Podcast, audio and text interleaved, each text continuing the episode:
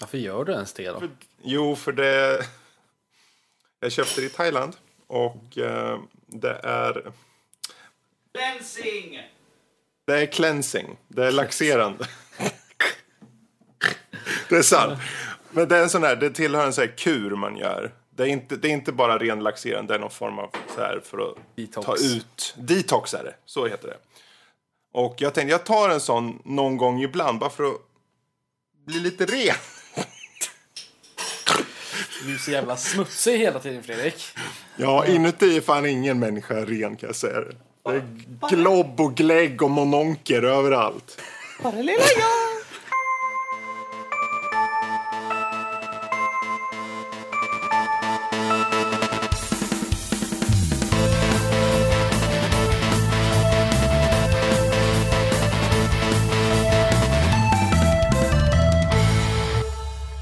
Välkommen till Nördliv, en eh, podcast om spel och nörderi av alla de slag. Dagens datum är den 10 februari 2018 och det här är avsnitt 153.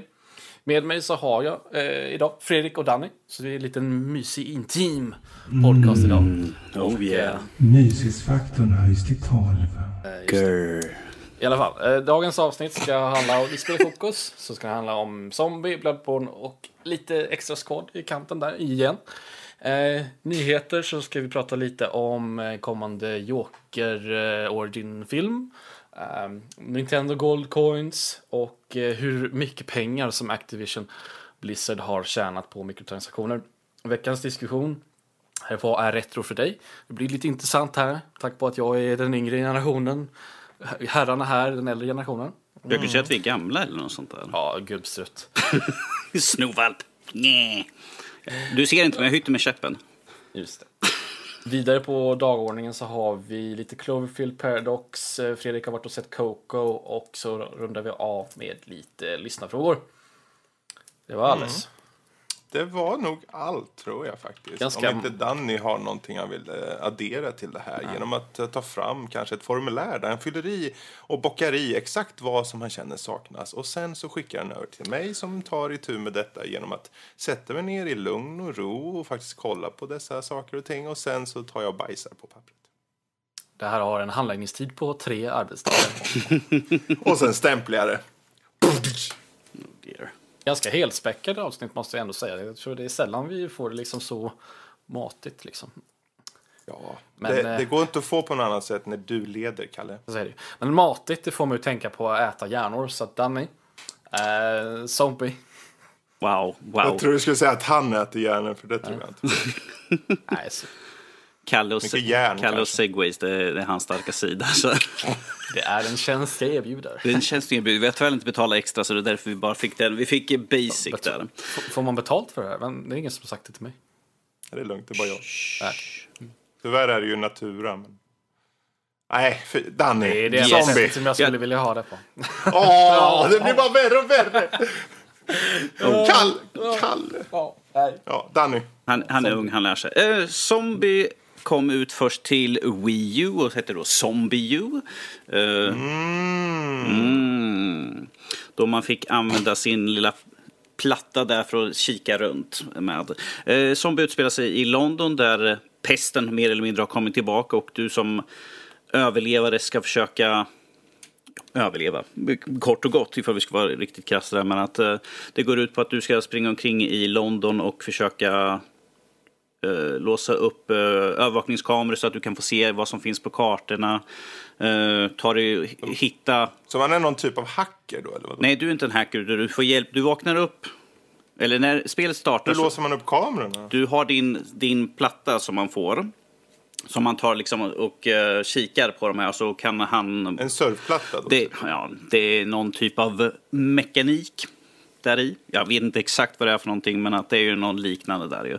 Som gör att han kan hacka in sig då eh, på Okej. monitorer och sånt där och kan eh, se över kamerorna som finns över stan ju. Men man måste i alla olika delar ska måste man gå omkring och kika överallt för att kunna hitta dem där så att han ska kunna låsa upp dem. Eh, spelet börjar helt enkelt med att man eh, att man ute och går i stan och så blir man jagad av zombies och sen börjar han prata över en högtalare. Liksom, du, kom hit så kan du kan hjälpa mig. Liksom. Man bara, okej, kom in till mitt lilla safe room här.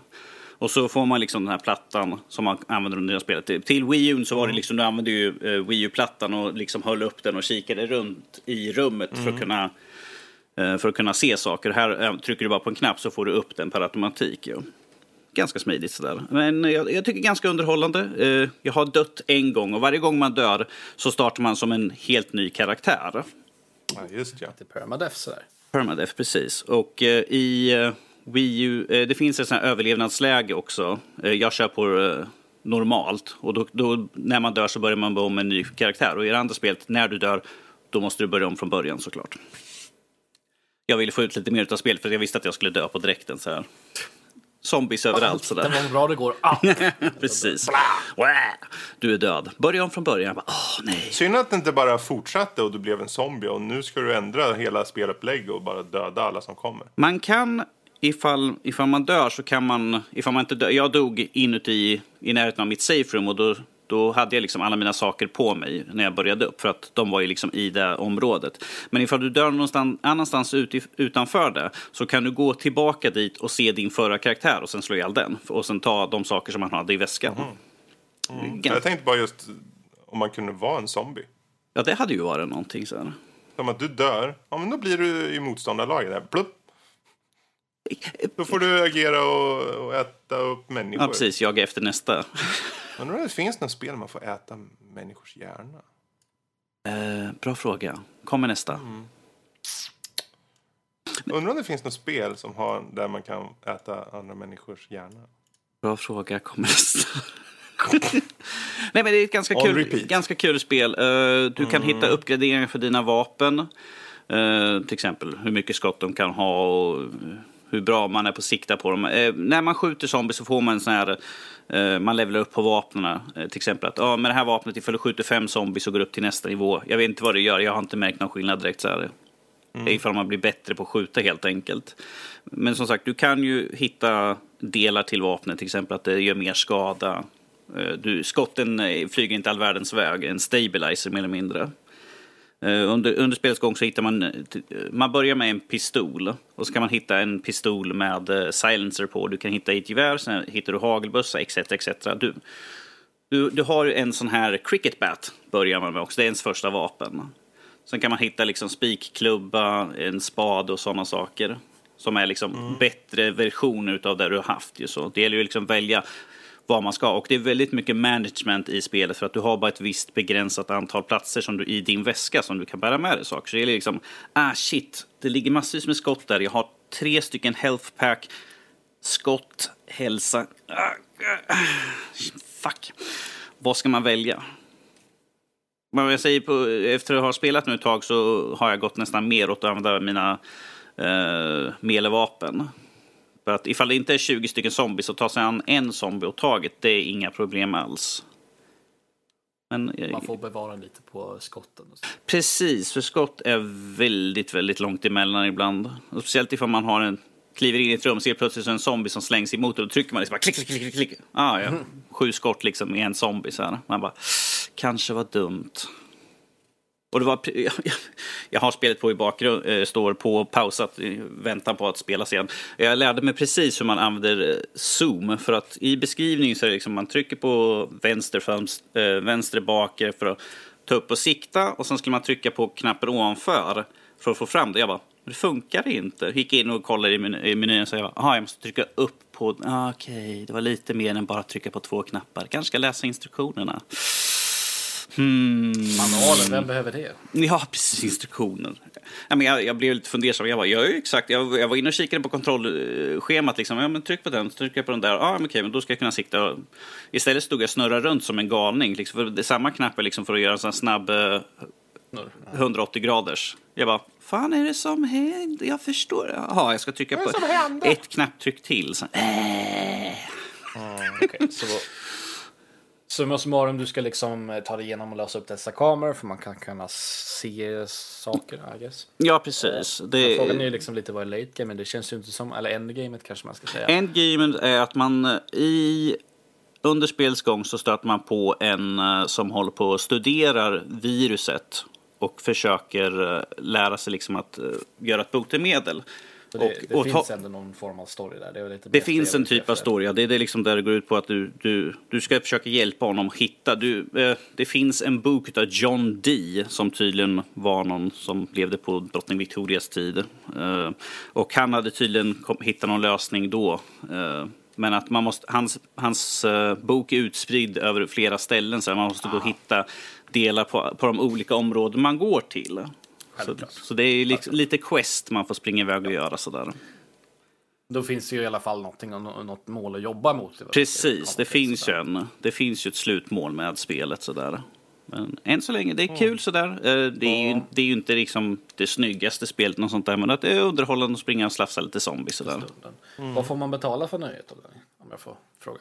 Eh, ja, ja, det var gratis till, för Games Gold, men på Xbox kostar det 184 kronor i alla fall. Zombie på Steam kostar 20 euro. Mm. Ja. Så i runda drag däromkring. Så. Det är ett kul spel. Har- du jag har bara man ryckt av en bugg på när jag skulle öppna en kista. Sen den bara öppna upp. Jag bara, öppna kista. Ah, skit i det. Det var bara två skott där i. Ja. Kan- Jag kan strunta i det. Så.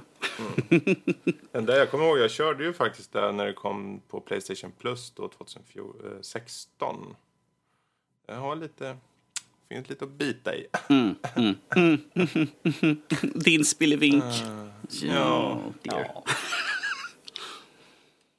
Men det var väl allt egentligen om... om, om Mm, det räcker. Ja, ja, jag. Och tala om Något annat lite slafsigt. eh, Så Mhm. har vi ju så att eh, Fredrik av alla personer har ju tagit sig an Bloodborne.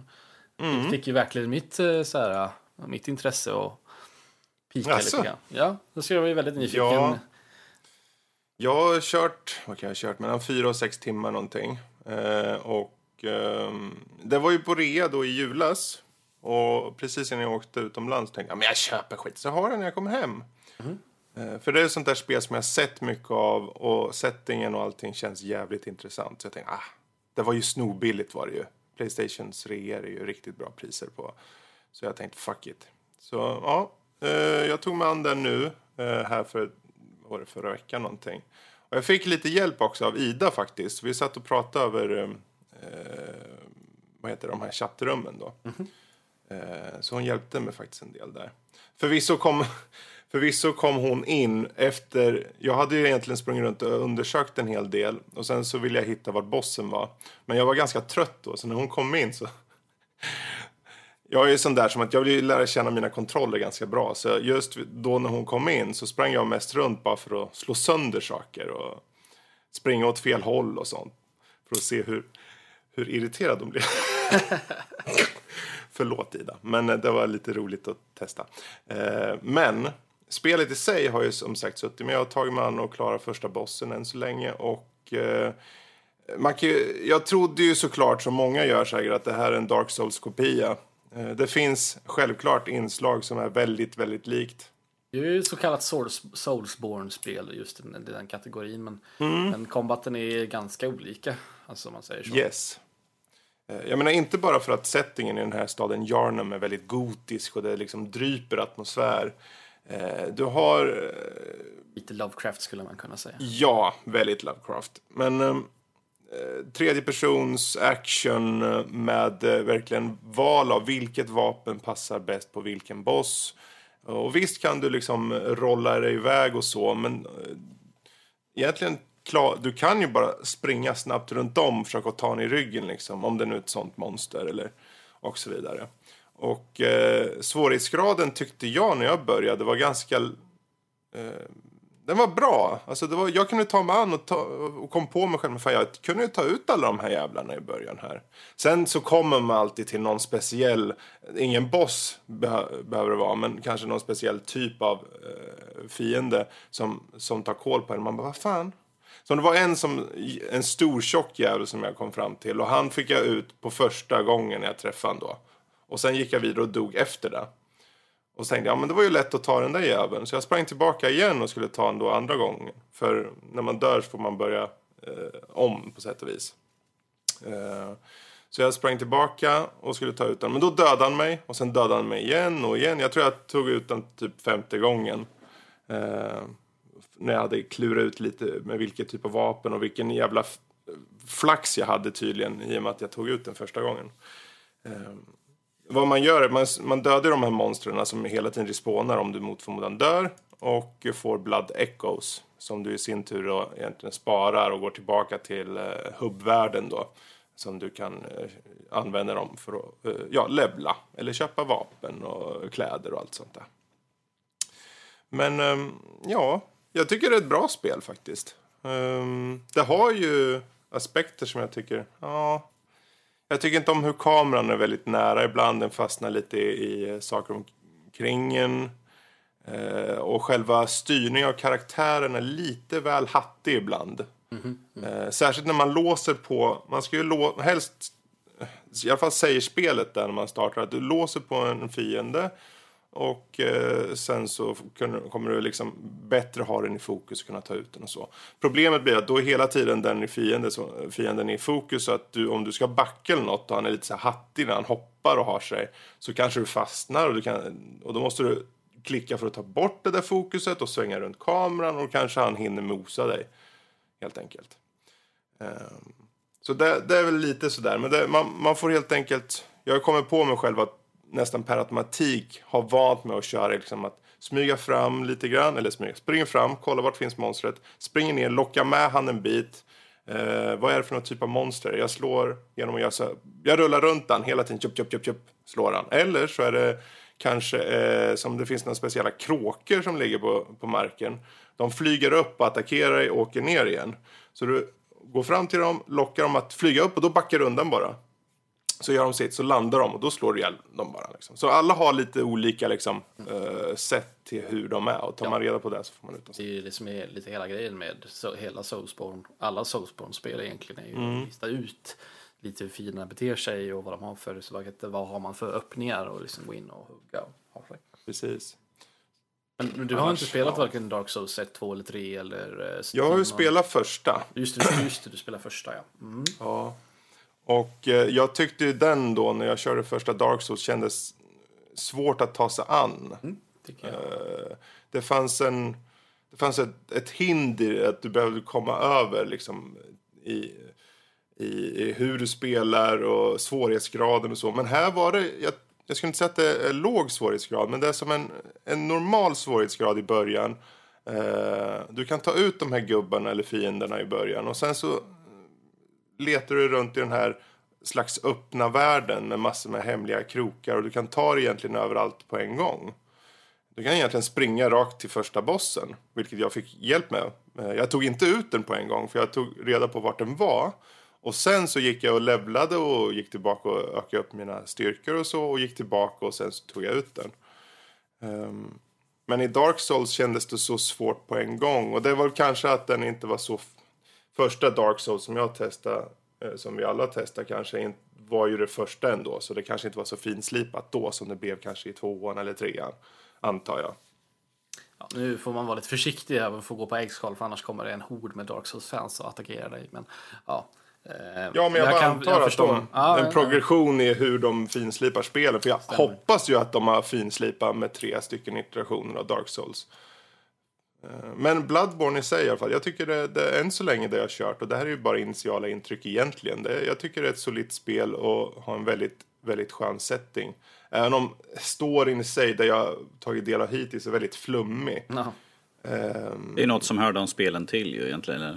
Dark Souls och där ju.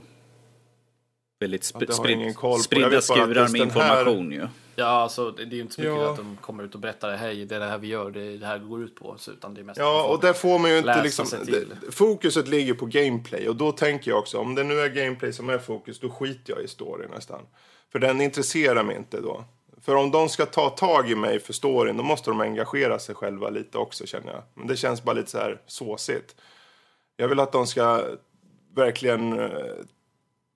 De ska ta sig an sin story och visa upp den ordentligt. Jag vill inte liksom behöva läsa någon jävla liten textruta som finns i någon jävla bok på tredje våningen av någon jävla skräcknäste. För att veta att ja, men han hette Bengt. Jaha, okej. Nej. Men eh, man får ju en del i cutscenes också och sånt. Liknande. Så det, det finns ju en story och den, den, den räcker. Men det är gameplayet jag går in för. Jag kom på mig själv, även om jag förlorade, eh, eller förlorade, att jag dog. Så kom jag på mig själv ändå. Men, ah, jag, ah, jag, fan, jag kör en gång till. Exakt det Den där jäveln. Ja, och så dog jag igen på den där jävla... Och det var inte någon boss, det var en jävla gubbe med en stor jävla tegelsten som bara attackerar så här, när man kommer nära. Så jag måste komma undan. Men den jävlan låste in mig i en vägg en gång och en gång fastnade jag i en trappjävel och sen var det en bugg en gång. Och liken, eller liken, alla de här döda monstren, de ligger ju kvar och är fysiskt eh, påtagliga. Det vill säga om du går mot den så fastnar den eller du liksom så här. Så det, en gång så fastnade en jävla lik på min fot. Så jag bara eh, eh, eh, kunde inte gå ordentligt. Och då kom det en jävel bakom och slog ihjäl mig. Sånt irriterar jag mig på ibland förstås. Men eh, ändå, ändå satt jag där. Hmm, Om du spelar färdigt vet jag gärna till slutet. Det beror på. Det beror på om gameplayet fortsätter att vara varierat och, och eh, dynamiskt som det känns nu. Utforskarandan och eh, den här köttiga, verkligen köttiga gameplayet, eh, alltså fightingen med vapnen och uppgraderingarna, det, det, det, det tycker jag väldigt mycket om. Eh, så ja, jag hoppas det. Men det hänger på det. I nuläget i alla fall. Eller så kommer du bara irritera Ida till vanligt. Vad gör jag nu för någonting? Vad gör jag nu? Vad gör jag nu? Ja, jag kanske kommer bena hoppa in i någon match igen. Så, eller en match, någon, när jag spelar. Och sen kanske jag bara av ren så här. Ah, jag ska nog, jag ska nog se vad som, vad, vad säger hon om jag gör så här? och sen står jag och slår på en trave böcker i en halvtimme. Eh, nej, jag ska inte göra så. Eller? vill, hon hjälpte mig jättebra gjorde hon. Jag, jag visste vart bossen var. Och sen kanske jag, hon sa kan du gå åt vänster? Och så jag bara, vilken vänster? För det var ju lite förskjutning. Hon kollade så här share play.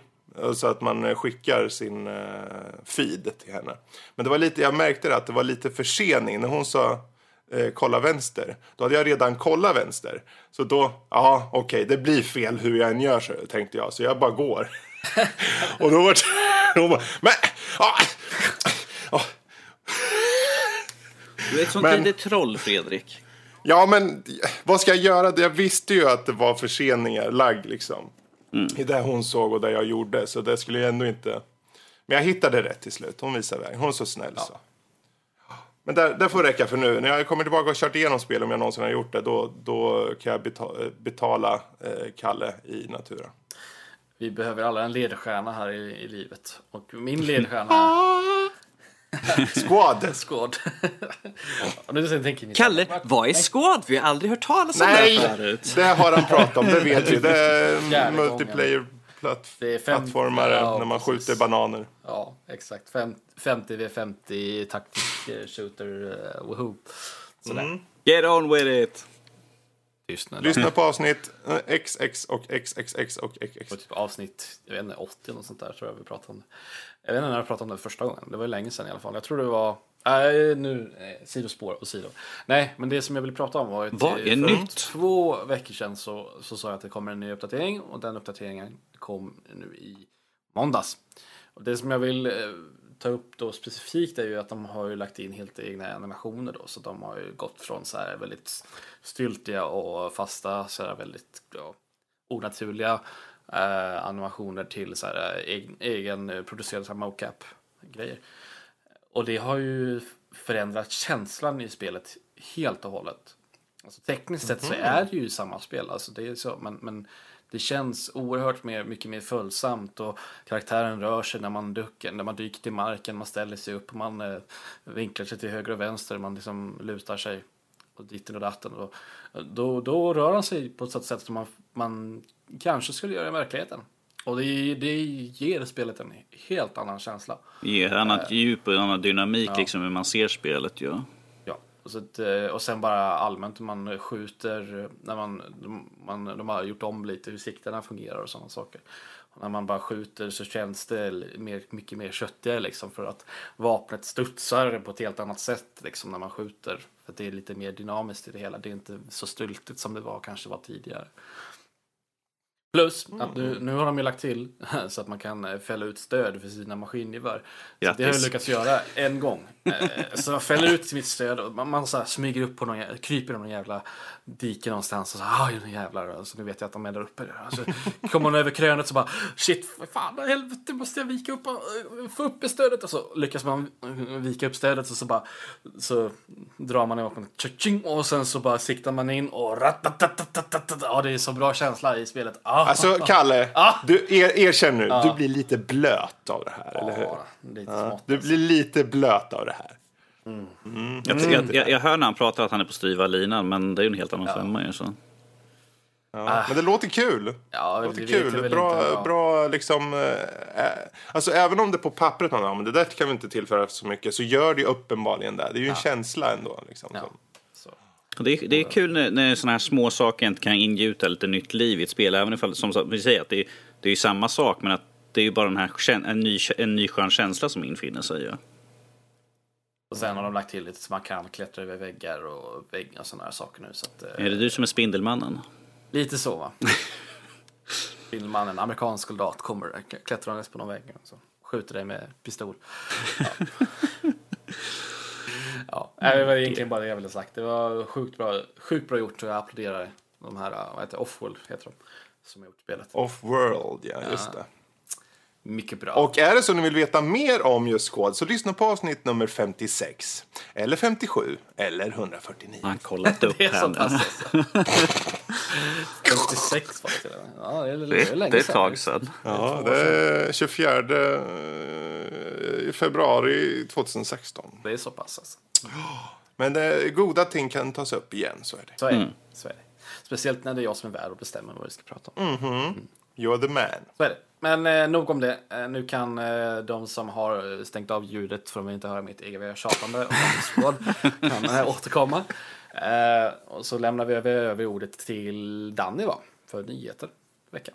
Yes, vi tar upp lite filmnyheter i början. Vi kan ju till exempel att eh, Jo- Joaquin Phoenix. En gång till. Till. Joaquin Phoenix. Jag vill bara säga så fjonigt som möjligt. Eh, Pionigt. Fjonigt, precis. Hur är det man uttalar M. Night, hans namn? M. Night Shyamalan. Eh, Shamalama Ding Dong, ja. Jag kommer aldrig... Anywho. Anywho eh, han är nu i, i diskussion och spelar Jokern i en origin story skulle kunna kalla det som för DC här nu. Um, ha, enligt så har han tackat ja till rollen men att eh, de, det finns ingen officiellt utannonserat där. Men att jag tycker det är lite skumt som vi har ju redan en ny Joker som är i en Canon-film. Mm. Men som sagt, Ja, ja, nej, nej. Vill DC sätta sig ner och bajsa Jared Leto rakt i ansiktet så gör det. Det är väl upp till dem. Precis, först klipper de bort allt han har gjort i filmen sådär, lämnar bara någon scen kvar. Och sen liksom, nej vi ska göra en Joker-film. Åh oh, coolt, jag får göra lite mer Jokern. Fast vi ska ha en annan skådespelare. Ah, fuck. Ändå så utspelar sig typ eh, många år tidigare. Precis. Ehm, Tankar? ja. Ja, det var det som eh, DC hade. De hade tankar. Men de var inte bra tankar. Nej. Det var så här. Jag undrar, kan vi göra han mycket yngre fast samma ålder? Alla bara tittar på den här med stumma blickar. Bara. Okej. Nej, kolla här grabbar. Vi ska göra en origin story. Den ska utspela sig på 80-talet. Eh, Men vi tar en skådespelare. Vi tar inte, vi tar inte den skådespelaren vi redan har som nu har etablerat som den nya Jokern. Utan en annan skådespelare som är ungefär jämngammal med den skådespelaren vi redan använt. Låter bra. I like this a lot. Yes. Alltså, jag vet inte om de ska liksom branda det här som en så här sidouniversum eller någonting i slutändan eller något sånt. Men eh, jag undrar om det är kanske att eh, Martin Scorsese kommer producera som gör att de faktiskt om de nu går med det så kanske det är därför. För om han, han nu producerar och sen har de märkligt nog Hangover-filmen, regissören Todd Phillips som, eh, som regissör. Men det är en udda blandning. Jag tror att det är Scorsese som bjuder in till att faktiskt det här kan bli någonting. Men, eh, Jag, jag mest... och då menar jag alltså eh, från, eh, från filmbolagens sida. Ja, men eh, Scorsese säger att det är bra, men då kanske vi ska göra det här. Alltså ifall den här filmen kommer ut efter Flashpoint så kan jag mycket väl ta det. Ja. Men ifall den kommer innan så blir det liksom, eh, what? Är det canon? Jag vet inte riktigt. Hur tänkte de nu igen? Ja, det, det är det de inte gjorde tror jag. Men vi ska inte säga att de har inte tänkt något än kanske, för de har inte tagit beslutet än. Nej. Förhoppningsvis så säger de, du, så dumma i huvudet är vi inte. Eller? De gjorde ju Suicide Squad, så, och eh, Justice League och Batman vs Superman. Men de har gjort Wonder Woman. Så det finns Även en trasig klocka har rätt två gånger om dagen, så att säga. Du är den bästa av kallar. Alltså plural av Kalle. Det verkligen kallar? Eller inte kallare då i så fall? Moving on från er två nötter. Vi går lite grann till lite Nintendo, fast det här är lite mer din starka sida Fredrik. Det är när de, att de har gått ut nu att de ska börja använda de här Nintendo Gold Coins till Yes. betalning för spel. Se- Det ser så ut att det kommer bli, supporterat inom kort i Switchens e-shop. Och, Eh, gold coins är ju då alltså att när du sätter i en, en, eh, ett minneskort då med ett spel så kan du i menyn då välja att, ehm, vad ska man säga, eh, redeema den då. Så plipp så får du typ 16 gold coins då, exempelvis. Ehm, där jag, ja, och det är väl bra för det betyder att du, de säger men om du köper retail-spel och pluggar in så kan du alltså på sätt och vis kunna få spel i slutändan. Frågan är ju då, och det har inte jag sett om det har stått någonstans, men hur många gold coins kommer man behöva för att få möjligheten att köpa då inom situationstecken ett spel? Eh, är det 100? 200? Ja, då kanske det kräver att du köper x antal spel innan du eh, ens kan lösa in något. Eh, det återstår att se. Och sen är ju frågan, är, ett goldcoin en krona? Ja, då kanske du kan snabbt komma upp i typ någon mobil mobilportning eller någonting. Eller vad de nu har i de här billigare prissummorna. Men eh, det är väl ett bra initiativ ändå. Ja, jo. Men ifall det kommer vara värt det i slutändan, då är det en helt annan femma. Om man inte känner någon som har typ en 30 stycken spel man Alltså kan den låna. finns ju, det är ju bara det är ju en, det är ju ett, en addering till det som, du köper ändå spelen. För du köper ändå Super Mario och då kommer du spela där, fine. Sen att du får också guldmynt genom att eh, redeema det. Vi, vi, om vi säger Fine. så här, vi kan jämföra med uh, Ubisoft, de här U-points. Där du, kan, där Mm. du kan tjäna in dem genom att göra uppdrag och sånt i spelen. Sen kan du använda dem för att Ja, det är- köpa extra grejer till Precis. spelen. Och det är upp till folk att använda det Mm. inte. Liksom. Folk kan inte komma och gnälla sen. "Åh, Jag får bara 16, det kostar 3000 poäng. Ja men fine, skit i att redeema dem då, ett jävla pucko. Typ. Typ. Nej, jag vill bara inte att folk ska börja grina. Men, "Åh, jag får bara 16 poäng och det kostar 130 för det här spelet. Ja, men du behöver inte. Det är de som har lagt in. De kan lika gärna ha skitit. Om vi säger så här, det är bara lite extra lullull, lite godis. Ja. Är det ett bra initiativ då är det något i alla fall som man kan använda dem där till. För jag undrar vad fan det var till, ärligt talat. Du har bara fått dem och tänkt så här, ja, ja, okej. Ja, man måste ju själv bara, för jag, man går in på en meny på ett spel och sen finns det bara, ah, redeem, vadå redeem, vad händer om jag gör så? Plupp, you get 16 gold coins. Jaha, vad har jag dem till? Var ser jag dem? Jag har ingen aning. Du kanske är jätterik. Ja. Ja, ja, det var den nyheten. Mm. Då går vi vidare till den sista nyheten för veckan här eh, som återigen visar att eh, mikrotransaktioner är här att st- stanna. Jag håller på att stammade lite grann där, men jag skulle säga det. De är här för att stamma. De är här för att stamma.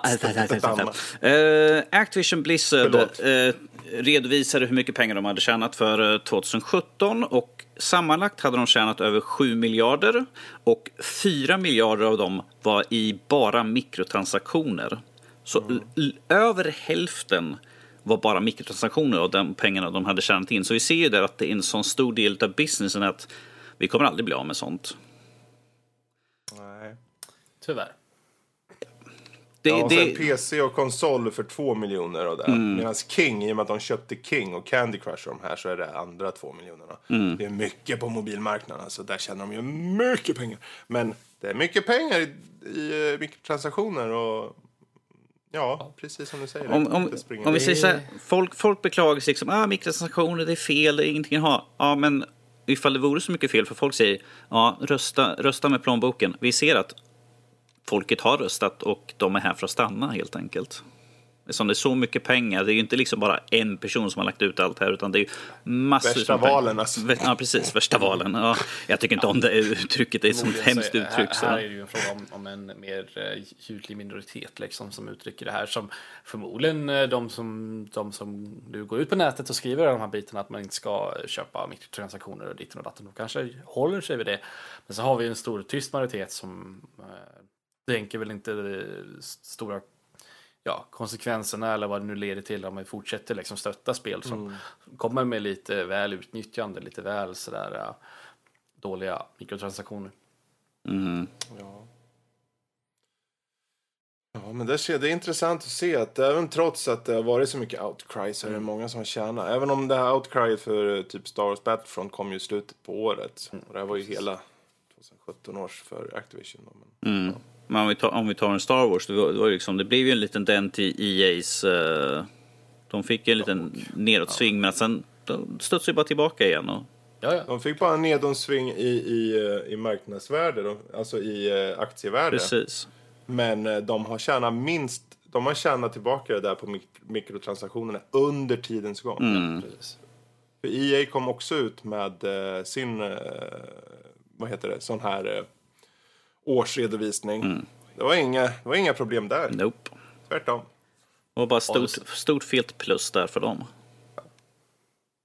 Sen så är det värt att nämna det att det räcker, i sådana här fall så räcker det ju inte bara med att låta bli att, att eh, köpa saker via mikrotransaktioner utan det är ju snarare att man istället köper spel som eh, ja, gör det man vill då. Typ, eh, Witcher 3 är ett bra exempel. Eh, väldigt mycket valuta för pengarna. Du får mycket gratis DLC och den DLC du behöver betala för är väldigt prisvärd i sig. Måste man eh, gå ut och köpa de spelen i så fall så visa att det är det här som, som marknaden vill ha i så fall. Eh, gör man inte det då händer inte speciellt mycket. Och eh, tyvärr så är det ju så att gaming är en stor industri och så länge den är det och tjänar massa pengar så och det finns massa pengar att tjäna så kommer ekonomerna på eh, EA och Activision och alla de här fortsätta att trycka på att man ska införa det här för att eh, det, de pengarna är, det är för mycket pengar att tacka nej till. De- bara sådär. Självklart. De vill ju maximera vinsterna, Så det är ju inte mer än så. är det. Så är det ju. Och med de, Tills de om, inte gör det så precis, de och med de här summorna så vet vi att det är liksom majoriteten av deras inkomst. Så Fyra mil- miljarder dollar. Mm. I mitt, det är mycket pengar. fyra av sju, det är en ganska bra inkomst där egentligen. Jag skulle kunna ha köpt en ny dator för den Du pengen. skulle kunna det, jag tror inte ens. Det räcker inte till för den dator du skulle vilja ha så. Rent guld. Ja. Diamantchassi. Precis. Ja, ja. Ja, Kul. ja För dem. det är inte mycket mer man kan säga. Vi har ju haft en lång diskussion om det här med mikrotransaktioner, lootbox och sånt där. Men vi ser ju att, att det gäller ju verkligen att vara tydlig med vart man står i så fall. Och folket, majoriteten av folket har ju talat det som de tjänar så här hemskt mycket pengar. Så att de kommer ju inte plocka bort det. Ifall det inte blir någon lagändring om sånt här. Vilket kom, Ja. ifall det skulle vara så kommer det dröja jättelång tid innan det kommer något sånt. Det, är ju, det har ju smått diskuterats i olika instanser av olika regeringar hur tillvida det här ska, om det här ska regleras på något sätt, eh, typ likt eh, spel om andra pengar om man säger, typ som, som vi har med Svenska Spel då i Sverige till exempel. Så det. Det är väl inte en ovettig tanke egentligen. Det som, om de ska införa någon form av lag någonstans, så det som jag skulle vilja se är att de svart på vitt eh, ska visa vad chanserna är att du får vissa saker. Ungefär som eh, Apple gjorde på sin Precis, App Store. det tog vi upp ja. Det är väl en vettig lag som jag skulle vilja se införas. Då har man ju mer möjlighet som en konsument att göra ett, ett, ett, ett informerat köp om man säger så. så. Ta det här med knivar i CSGO till exempel. Det har ju kommit fram nu att, att man har räknat på det med att man har öppnat massa lådor hit och dit och då kommer man fram till att öppna en kniv är liksom 0,0001 procent eller något sånt där chans. Om inte mindre liksom. Så att, eh, ja. Ja. Ja, ja. Det var det. Vi kommer, åt, Det vi det. kommer Bort återkomma till det här flera gånger om det vet jag i framtiden. Ja, så. ja, nej, uppdateringar kommer. Men Uppdateringar det är så det ser ut just nu. Yes, men det är därför nyheterna. Över till dig, Kalle. Ah, tack så mycket. Det för oss in på veckans diskussion, vilket i det här fallet är Vad är retro för dig, Danny? Retro, ja, retro säger gammalt, gammalt är som jag. Så saker för länge, länge sedan. Hur gammalt måste det vara för att vara retro? Alltså det där är ju väldigt... Funderade på det väldigt Det, är- det är det som är verkligen, det är det som är själva Ja, frågan. det är väldigt individuellt skulle jag ju säga. Alltså. Det finns ju de som inte ens ser vad som är retro. Det kan- Det finns många som bara, det finns ingen som jag känner är retro. i Kan, spel. kan vi sätta pricken på någon form av årtal? Är, är det 00 som gäller eller måste man gå ännu längre tillbaka? Eller? Nej, är, har du... ehm, känner du en viss mån av nostalgi eh, av någonting som kom i din uppväxt eller någonting som du känner för dig var länge sedan? Eh, varför kan inte det vara retro om det då kommer tillbaka? För retro i sig betyder någonting som kommer, har varit och kommer tillbaka. Det, det ser vi ju på spel som kommer liksom nu, eh, nytt spel i retro pixel art. Man bara, ja okej. Ja, Right. exempelvis. Då används det ju som en mer av en bred eh, marknadsföringsterm. Det, det är lite en gimmick sådär ju. Ja. Och slänga in retro på någonting egentligen känns det Men om man ska på något sätt dra en hård gräns för mig personligen så SNES och tillbaka är väl retro känner jag. Ja, Man det, måste liksom det är retro ut- för någon. Ja, Ja, så är det. Absolut. jag har växt Ehm. upp mycket med att spela Nintendo 64. Växte Mm. Nintendo 64 då, den generationen. Mm. Så SNES och tillbaka känns retro för min del. Men Det är eh, intressant. Det är många som... Det är kul att säga 64 där, för det är jättemånga som känner att den är retro. Just för ja, hur den är uppbyggd och det här väldigt, väldigt tydliga polygon Mario 64 liksom. det här med 3D-grafik är ju ändå ganska modernt ändå. Alltså, visst, s- går man tillbaka och kopplar in en, jag har ju en Nintendo 64 liggande så bakom mig i någon låda någonstans. Koppla in den i en tv och sen spela, visst det kommer ju se ut som fullständigt röv kommer det ju se ut som förmodligen. Man har väldigt luddiga minnen av hur det ska se ut typ egentligen. Men, eh, men jag känner att det var, det är lite för eh, tekniskt avancerat. För att det ska vara eh, retro på Ja, riktigt. men det där är ju intressant, för det... ehm, ja, för det, där ligger det ju just då, i ditt fall kanske just fokuset på vad, den tekniska Att det finns någonting som är liksom, det finns, precis som du var inne på, det finns en tydlig skiljelinje mellan, okej, här har vi ju 3D-grafik och här har vi vanlig 2D-grafik. Där är det så tydligt att peka på, ja men här är det gamla och här är det nya. Um, vilket får mig att undra då, för nu är det 2018, det finns alltså en 18-åring där ute, född på 2000-talet. Eh, som i sig kommer tycka att allting på 90-talet Det är rätt. det är antikt och retro. Eh, och i, det som är upp för den personen som är 18 år idag. Om fem år när den känner, tänker tillbaka på det som den känner är retro. Där tänker den, ja det här som kom i början på 2000-talet, 2005 där, den här första Xboxen. Det är jävligt retro. Ja, vilken hemsk tanke. Det kommer ju bli så Ja, tror ja, jag. är Jag tror fan det. bli Så så. det Jag menar det är som, Men- om jag frågar min pappa, det som han tycker är retro, det är väl en ABC 80 då i så fall. ja, liksom, det är allt har med perspektiv att göra. absolut. Men eh, för att återgå till dig då. Just SNES, det känner du i alla fall retro Ja, om för jag, om jag måste definiera någon form av eh, hård gräns. Det är klart att det är väldigt, eh, det kan ju vara väldigt flytande om man säger så. Men jag vill känna att man måste liksom pe- peka med hela handen, så här har vi typ. Men det har ju mångt och mycket med att göra med när släpptes den SNESen i Sverige? Eller 92 eller? Så pass. Ja, 91, 92 kanske. Eh, släpptes i Sverige i 92. Jag menar det är ju tre år innan jag föddes liksom. Så att, eh, ja, Vad gammal jag känner mig. ja, hörs, hörs och fy. Vad är retro för dig då, Danny? Retro för mig. ehm, om vi tar till utseende så skulle jag säga att det är ju pixel art. Uh, Som jag växte upp på Commodore 64.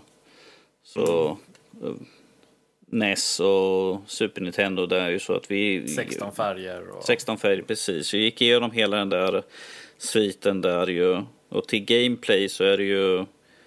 Jag spelar ju väldigt mycket Final Fantasy så väldigt mycket text. Sitta och läsa mycket text sådär mellan gameplayen sådär. Det känns väldigt retro för mig. I, i dagens eh, Final Fantasy så är det ju allting i talad form nästan, mer eller mindre. Eh, så att sitta och läsa text i timmar det känns retro. Ehm, det är ju mer av en känsla. Liksom. Jag tror du kan göra ett sånt spel idag. Jag behöver inte tycka att det känns retro för det. Men att det är själva känslan för mig ibland. Jag, ifall jag tar och slår igång ett gammalt spel. Jag bara, ah, så, så här det ska vara egentligen. Så här. Och sen sätter man sig med det nya spelet man bara, "Ja, ja men det här är okej också. Så. um, men jag, jag, jag känner inte så när, när det kommer ett nytt spel som är pixel art. Jag tycker inte det känns så retro. Det känns bara liksom så här, ja men det är en gimmick på det sättet. Jag har väldigt svårt för att se liksom att så fort de slänger till ordet retro så ska det vara liksom att ah, jag minns min ungdomsdag när jag, det var den här typen av spel. Jag har inte det för den ny, ifall det kommer ut nya spel. Det känns bara så här, var, ja, ja okej, varför? Vissa spel gör det väldigt Ja. bra. Jag tycker Shovel Knight till exempel gör det väldigt bra. Ja, men alltså ifall man kör, verkligen bygger på det, men att ifall de bara använder det för bara för att, utan att ha en tanke bakom. Bara, de bara, "Åh, vi måste göra någonting. Vi... Ja, självklart ska det ju vara ett bra spel i botten, annars så... Men, men jag menar ifall de använder det bara som en gimmick, liksom, "Ja, vi, vill inte, vi kan inte göra ett spel Mm. som ser snyggt ut, vi gör det i pixel art bara för att vi inte kan göra något bättre. Då känns det liksom så här, okej, Mm. ni kastar bort liksom allt det som är poängen med retro i så fall. Mm. Um, ge mig ett spel som ser bra ut i så fall, än ett som bara för att. Behöver retro betyda att det har haft sin tid och inte har sin tid längre?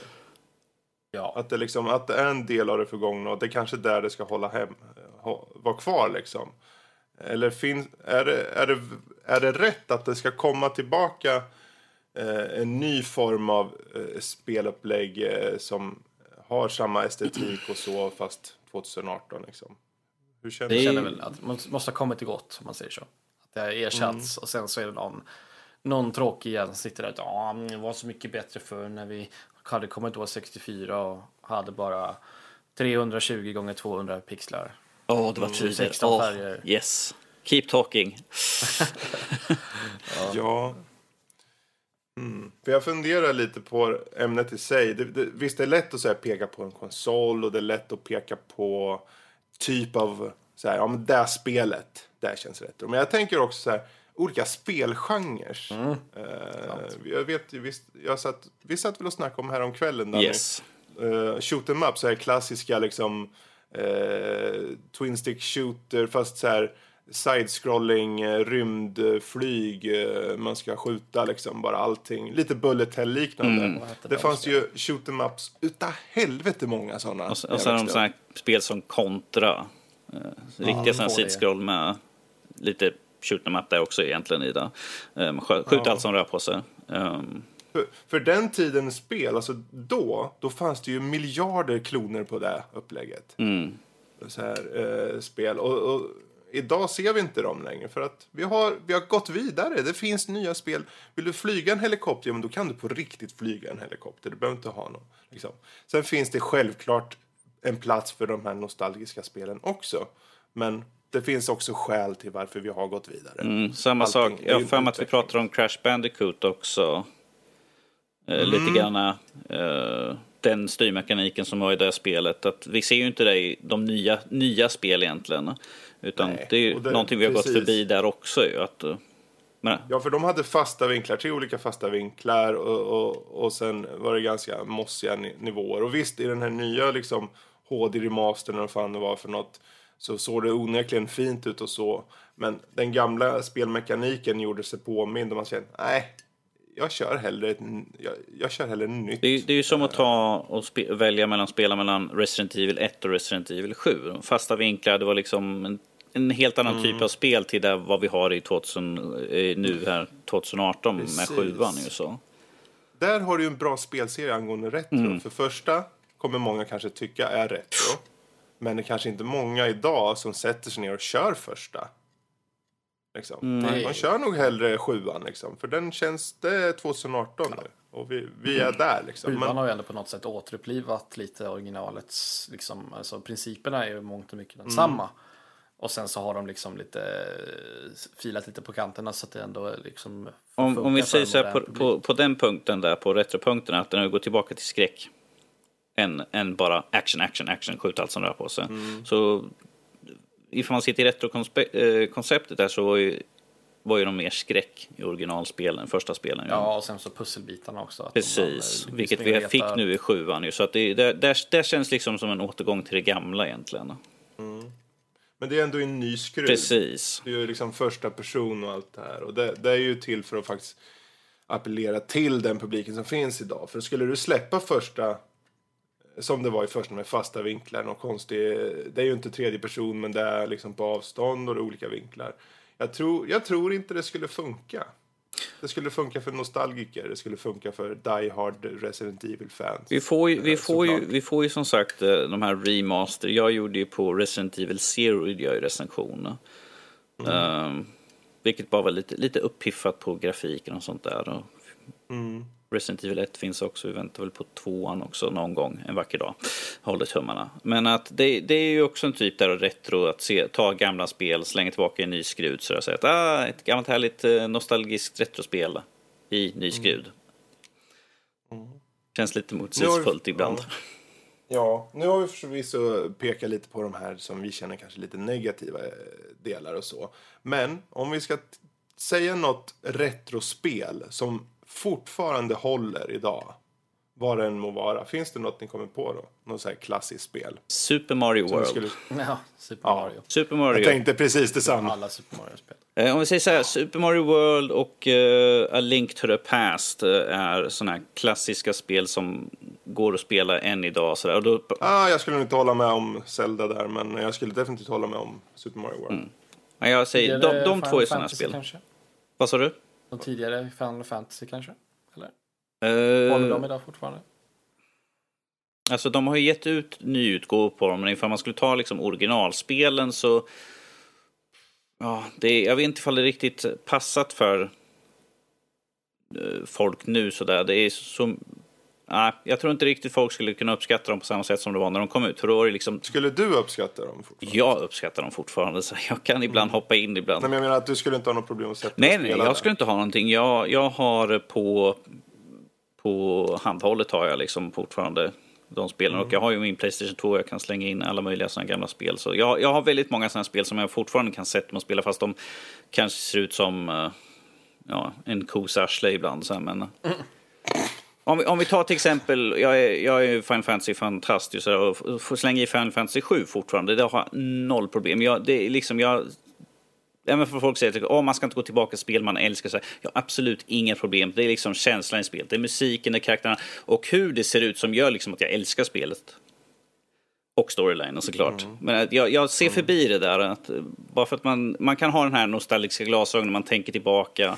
Åh, det här spelet, åh, det var så fantastiskt. Man går tillbaka och sätter sig, säger, många, att liksom göra det där. För då kommer man titta bara, hur fan kunde man spela? Ja, I don't care. Ifall man tycker verkligen om en spelserie och sådär, då, då spelar inte sånt någon roll.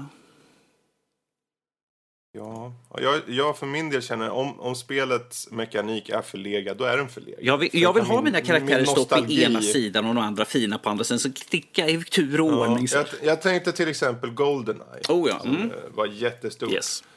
Eh, plocka upp den nu och du kommer må illa. Jag kommer titta på ansikten på och jag bara wow. Två polygoner, wow. Ja, ungefär. Men eh, ryckigt som as och eh, Styr. dålig känsla. Styrningen men är- sin... Ja, men det är klart, allting var ju som...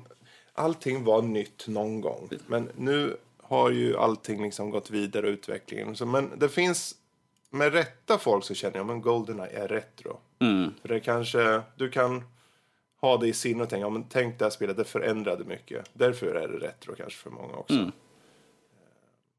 För definitionen av retro i sig behöver inte vara just att ja, men det är ett spel som jag kan spela idag. Det kan vara bara vad du känner inför ett spel. Som att eh, det här spelet som kom till SNESen 1993. Den, just den sommaren så var det så jävla fint att sitta och spela hela sommaren med det där spelet. Jag körde Donkey Kong eller vad fan det var för något exempelvis. och där skapar just den här retrokänslan när du väl en vacker dag sätter dig med att trots att du ändå är ingen är dum i huvudet egentligen. Alla ser de här bristerna. Man ser liksom, ja, fine, vi har gått förbi det här. Eh, speltekniskt kanske och så. Men ändå har man den nostalgin. Så det i sig skapar retrokänslan då kanske. Ja. Jag kan, jag kan ju faktiskt säga att jag inte sett så mycket som de... an- jag- På Commodoren så köpte jag, körde jag väldigt mycket sån här textspel. Jag har inte sett så mycket resurgen utav den typen av spel. Nej, var- de hade sin tid. Hade Det var ju sin mest tid. på grund av den tekniska begränsningen eller någonting annat Ja. egentligen. Go left. Go forward. Open south. door. Dun- Go south. Dungeon Master, Ja. fasta så här, plupp. Okej, bara ett håll liksom så här. Mm. Um, Men, eh, ja. Ja, Jag, Kalle? ja. Nej, de några uppenbara kandidater som håller idag, det är ju så givetvis Doom håller ju fortfarande. Första Doom, just det. Och även också typ eh, de här eh, som kom efter eh, Rise of the Triad och så vidare. Mm. Xen och Det var inte så länge sedan. det var inte så länge sedan. Rise of the, Jag kommer ihåg när de kom. Jag hade det på Shareware. Rise of the Triad, det var väl ändå ganska länge sedan eller? Ja, det var, ju- det var inte mer 94. än 96. 94? Oj, oj, oj. Oj, oj. Så tidigt. Ja, det är klart. eh, Doom kom 93, 90, eller? Ja, 93 känns ju rimligt. Alltså, det var en ung parvel. Fredrik, finns det, fin, finns det livet något spel som du har liksom nostalgiska känslor som du känner att jag skulle kunna starta upp skiten igen? Ut, Det är utan, att, frågan. utan att få ett djupt ärr genom hjärtat. Så, "Ah, det var- Mm. Det är ju mycket som har kommit så här remasters och sånt och så. Men eh, jag, jag känner idag, jag har testat på en del av mina klassiker och kom på mig själv att nej, den här tiden är nog förbi. Eh, med undantag för faktiskt Super Mario World som av någon märklig anledning bara att sätta sig och köra. Eh, men jag märkte Baldur's Gate. Eh, jag har gått vidare. Jag känner att eh, jag har svårt att ta till mig när figurerna är så små. Jag vill ha dem närmare mig. Liksom. Ha den här tredjepersonsvyn som man har vant sig vid i Bioware senare spel. Liksom. Så att jag har varit svårt att finna eh, den samma känsla som jag hade då. Eh, Deus Ex. Men det är inte så mycket för gameplay mer som att det är så fruktansvärt fult. Även om det kom en liten snygg remastergrej eller lite piffade så var det fortfarande asfult och bara där fick man tappa hela känslan. För grafik gör saker med en också. Särskilt 3D. Då, det spelar roll. Det är klart det spelar roll. Det är ju en, en, en helhetsupplevelse liksom. Och där så fallerar det lite på att man, man kan inte bli immersed på samma sätt som man gjorde då när man inte visste bättre. Men det är två exempel jag bara kommer på på rak arm sådär. Ehm, Annars handlar det om spelmekanik. Som du sa, textäventyr. Det körde jag också. Kommer jag aldrig gå tillbaka till. finns ingen poäng att gå till sådana spel. För det finns spel som kan inte bara ge en, en, en visuell upplevelse. Det kan ge en mycket bättre skriven upplevelse och så vidare. Och så vidare. Men en, en nyfiken fråga. Tycker, tror ni, tycker ni att eh, att slänga på namnet retro på någonting, att det säljer mer eller mindre? Som allting, de måste ju göra skäl för. De kan skriva retro, men då ska det fan vara bra också. Mm. Och det måste vara alltid när det handlar om retrospel, alltså nya spel som är gjorda i retroanda. Så måste de ändå ha tagit in den nya publikens sätt att spela. Om de gör spelen så som de var... om- Kommer du ihåg fredag den 13 spelen som fanns till eh, typ Commodore 64? Tyvärr ja. Ja, alltså det var ju så... Det var, man fattade ingenting och man dog på en gång. Man, man, man, det var skitsvårt.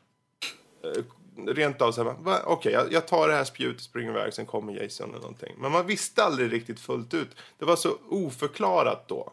Och många spel förr var helt enkelt... De, och idag säger jag, men det här spelet håller inte dig i handen. Ja, nej, men då, de, de sparkade ut dig på en åker och sa, så, överlev. Och sen så åkte det här spelet iväg. Ehm, typ så kändes det som. Det, var, det, fi, det finns inget bra med det. Det vi har gått förbi då. Om man bibehåller de aspekterna i nya retrospel, då är de ju dömda att, att misslyckas. Tycker jag. Se bara, än en gång, Crash Bandicoot. Det var säkert jättebra då. Men eh, nu så känner jag det var förlegat. Har det ens Ja, det har jag ingen aning. Ja. Det kändes förlegat. Och det, det är tydligt. Ja. Vad var frågan? Var det retro för dig? Mm, men den frågan du ställde nyss. Eh, om det säljer... För, för det säljer mer genom att slänga på en retro... Att det står ett retrospel. Ja. Det är ju liksom vilken publik är de ute efter? Ny publik eller folk som vill ha en nostalgisk eh, tillbakablick på ett spel eller en typ av spelserie som man spelade när man var yngre. Mm. det är nog det som du sa, Kalle, det här med den här skiljepunkten från till exempel polygon eller 3D-spel och eh, de tidigare 2D-spelen. Det, det var en, en, en- precis en tid där när spelen var väldigt, väldigt enkla också. Alltså om du sätter med Tetris då och Tetris idag så vet du eh, instinktivt vad du ska göra i princip. Sen hur bra du är på det, fine, det kan ju vara en annan femma. Men det, det fanns en enkelhet i spelen liksom. Till och med om det var Super Mario RPG eller om det var Link to the Past eller om det var Super Metroid så fanns det en enkelhet i att ta det an dem, oftast i alla fall. Eh, och sen så vart det mer och mer invecklat eller komplicerat. Eh, och vissa skulle göra gud vet vad med sina spel så det vart märkligt. Men, eh, ja. Och så hoppade alla på 3D-bandvägen. Det skulle vara 3D, 3D, 3D. Även om så här, sprite-grafik hade, hade mognat till den graden att det kunde se hur snyggt som helst. Jag tänker på, typ, vad heter det där, Castlevania Symphony of the Night. Som kom liksom när det var, 3D var det nya heta. Men, eh, men det funkade ack så bra just för att man hade ju bemästrat den tekniken så himla bra då. Medan eh, 3D Castlevania som släppte till Nintendo 64 de såg ut som, eh, vad, en En halstrad bäver. gårdagens spya på ett tidningspapper. Oj, Oh, hårda ord. fy! ja. Mm. Det väl det Ja. egentligen. Som sagt, det, Jag det, säger bara Dune 2. Första riktiga RTS-et, vet du. Men sätter du med till idag, då kommer det kännas skitlångsamt. Du kommer tycka att det tar... Att varför är det så få enheter? Varför så liten på skärm? Varför ser man så lite? Massor med saker. Ja. Men då, då var det badass. Vet du. Och tillbaka till Wolfenstein 3D så bara, vad fan, det här är ju- går ju skitlångsamt ju. Och Det, det, de, de, vapnen låter som eh, popcornmaskiner. kan inte ens sikta upp eller ner. Vad är det här för någonting? Ja, typ så. Tack och lov för första Civ, det håller än. Det är så pass alltså. Theme Hospital, där har vi ett bra spel. Med gammalt. Usch. Ja, det är bra grejer du. Ja, det är Ja, rätt. nu- Det, är det tror börjar Fast det. nej, är det rätt tror ja, inte. Varför inte? Som sagt, högst individuellt ju vad man anser ju sådär. Rollercoaster Tycoon 1. Bra grej. Ja, ja. Det är nog många som... Kom inte den runt 2000? Jo, så det, det finns någon som, som är 15 år idag som inte känner till spelet. Och om de, vi säger, men Rollercoaster Tycoon 1. De bara, vad är det? Åh, gud vad retro. Det, det låter som det är en förolämpning. Oh, retro. Mm. Och så dör tusen änglar någonstans. Nej, men. Ehm, System Shock 2. Det är retro för mig. Jag hade ett spel eh, när jag var liten så, så brände farsan massa spel till mig på skiva så jag hade ett som hette Incoming. Och sådär 3D, 3D eh, flyga runt och skjuta. Det var ju känt för det kom med massor med grafikkort. För Mm. det var supersnyggt för sin tid. Och sen så nu kommer jag, kommer jag inte, kan jag inte för mitt liv komma på vad det heter men det fanns också något pansarvagnsspel man åkte runt och så kunde man ha för man kunde svävande, man kommer ihåg man var tvungen att ha en svävande pansarvagn för att kunna köra över lava och så kunde man så småningom man kunde skjuta Det inte Battlezone. Nej, det låter inte bekant. Men så småningom kunde man skjuta kärnvapen i alla fall. Tyckte jag, tyckte jag var rätt coolt. Du ser. Ja, det är kul med retro. Många, många gamla Ändå. guldkorn va? Ja. Ja. Så drömmer tillbaka, drömmer tillbaka hur kul man hade det. Sen så skulle man sätta sig idag och bara, fan vad suddigt det är. Shit alltså. Åh, finns det här i 4K eller? Ah. Hur den är, de kommer alltid finnas där i våra sinnen och minnen. Ja, så är det. Jag, jag fick en hemsk bild av att någon sätt så slår igång ett, typ ett NES på en 4K-TV. Oh, Jesus Christ. Skalar upp Den det också. dagen kommer. Den dagen den kom, ja med mini, mini-NES ju så pluggar man väl in det. Men jag tycker fortfarande det är intressant att eh, Kalle som sagt slängde liksom Nintendo 64 för det är ju liksom Fredrik och jag, du, vi, vi slängde ju liksom NESen som retro men det är ju liksom inte så långt emellan där egentligen, känns det som. Men nu sa ju han egentligen SNES. Ja, ja men SNES, för det, men han sa ju först Nintendo 64 liksom, att det var ju första liksom, han kom att tänka på där. Det är där någonstans däremellan de två generationerna. Jag, jag tror att det är nog det vanligaste svaret som folk säger, att det är nog NES sådär. Liksom så här retro. Ja, men NES är ju... Amiga, Amiga, Amiga säger man. Commodore NES är ju 64. Commodore vanligt 64. också. Precis. Är ju så vanligt också. Det är där liksom, speciellt i Sverige, men NES var ju det som kickade igång allting i Sverige också. Jo. Till en viss grad och givetvis inte. inte alls.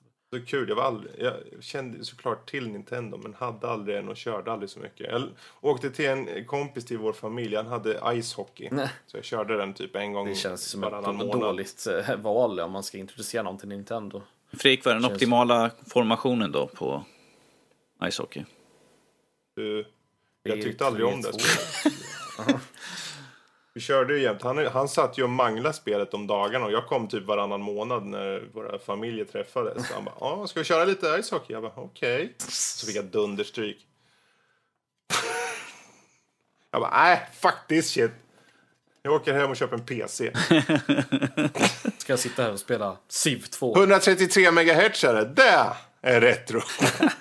Ah, en 486. Ah, det Där är har vi- där. 486. Där har Ja. definitionen. Alla processorer under 1 GHz, där har vi retro. Ja, nu räcker det med den här diskussionen Men man kan sitta vidare. och drömma och spinna vidare. alla- Vi kan ju säga så här, vad, vad, vi kan ju fråga våra lyssnare, vad är retro för dig? Släng ett mejl. Pentium 4-dator med, ja, som, vad fan var det för grafikkort jag hade? GT 6800 Ultra. Det var rätt. Gud, det var ju bara ett par år sedan. Ja, det- Herregud. Du är ju bara barnet pojk. 13-14 år sedan, men det var inga kvar. Mhm.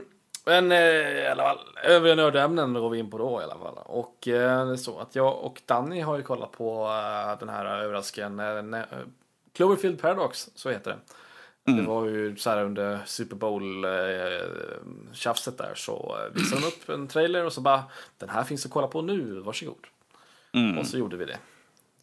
Och eh, ska vi man kanske börja med att dra, dra premissen då Danny? Det är ju så att eh, någonstans i, inom en snar framtid så börjar jorden så småningom få en liten energikris så att alla resurser vi har eller energikällor vi har har sinat. Eh, så då har man skickat upp eh, några forskare ut på en rymdstation där de ska försöka hitta då en, eh, en källa för oändlig energi. Men någonting går lite snett. Och det är väl lite super så långt man får, man får säga. Eh, Det går lite snett i rymden. ja, precis. Lite upp och ner sådär. Um, och av någon anledning så har den här filmen fått ganska mycket kritik och jag personligen förstår inte riktigt varför. Alltså det var väl inte så här eh, liksom wow, jag, nu, det här är den bästa filmen någonsin, jag ska avguda den i resten av mitt liv. Men den var inte på något sätt dålig heller. Jag var väldigt underhållen. Kanske lite väl förutsägbar i sina svängar. Men ändå liksom sådär uh, väldigt välproducerad, väldigt snygg tyckte jag att den var. Och Hur var skådespeleriet? Adekvat, skulle jag säga. Alltså, varken så här wow eller det var mest att jag gillade äh, snubben från IT Crowd var med liksom. Det tyckte jag var roligt. Typ. Hello IT. Jaha. IT. Ja, Just det, Chris O'Dowd, eller? det kan stämma. Jag vet faktiskt inte vad han heter på riktigt. Han var med i alla fall, så det var ju roligt. Så att, Danny, vad, vad tyck, tyckte du så här initialt? Vad hade du för intryck? Ehm, ja, Tycker du att kritiken är liksom... alltså det var ju ingen, det var ju ingen toppfilm. Jag förstår att de bara slängde ut så. Förresten, den här finns. Och liksom, in... Hade de slängt ut på något annat sätt tror jag folk liksom, okej, don't care. Jag tror inte den har kommit speciellt långt. Om, dels som den har släppts på bio hade den inte kommit så långt. Och Eh, nej. ens om den Eh, direkt alltså- DVD eller någonting. Direkt till Blu-ray liksom.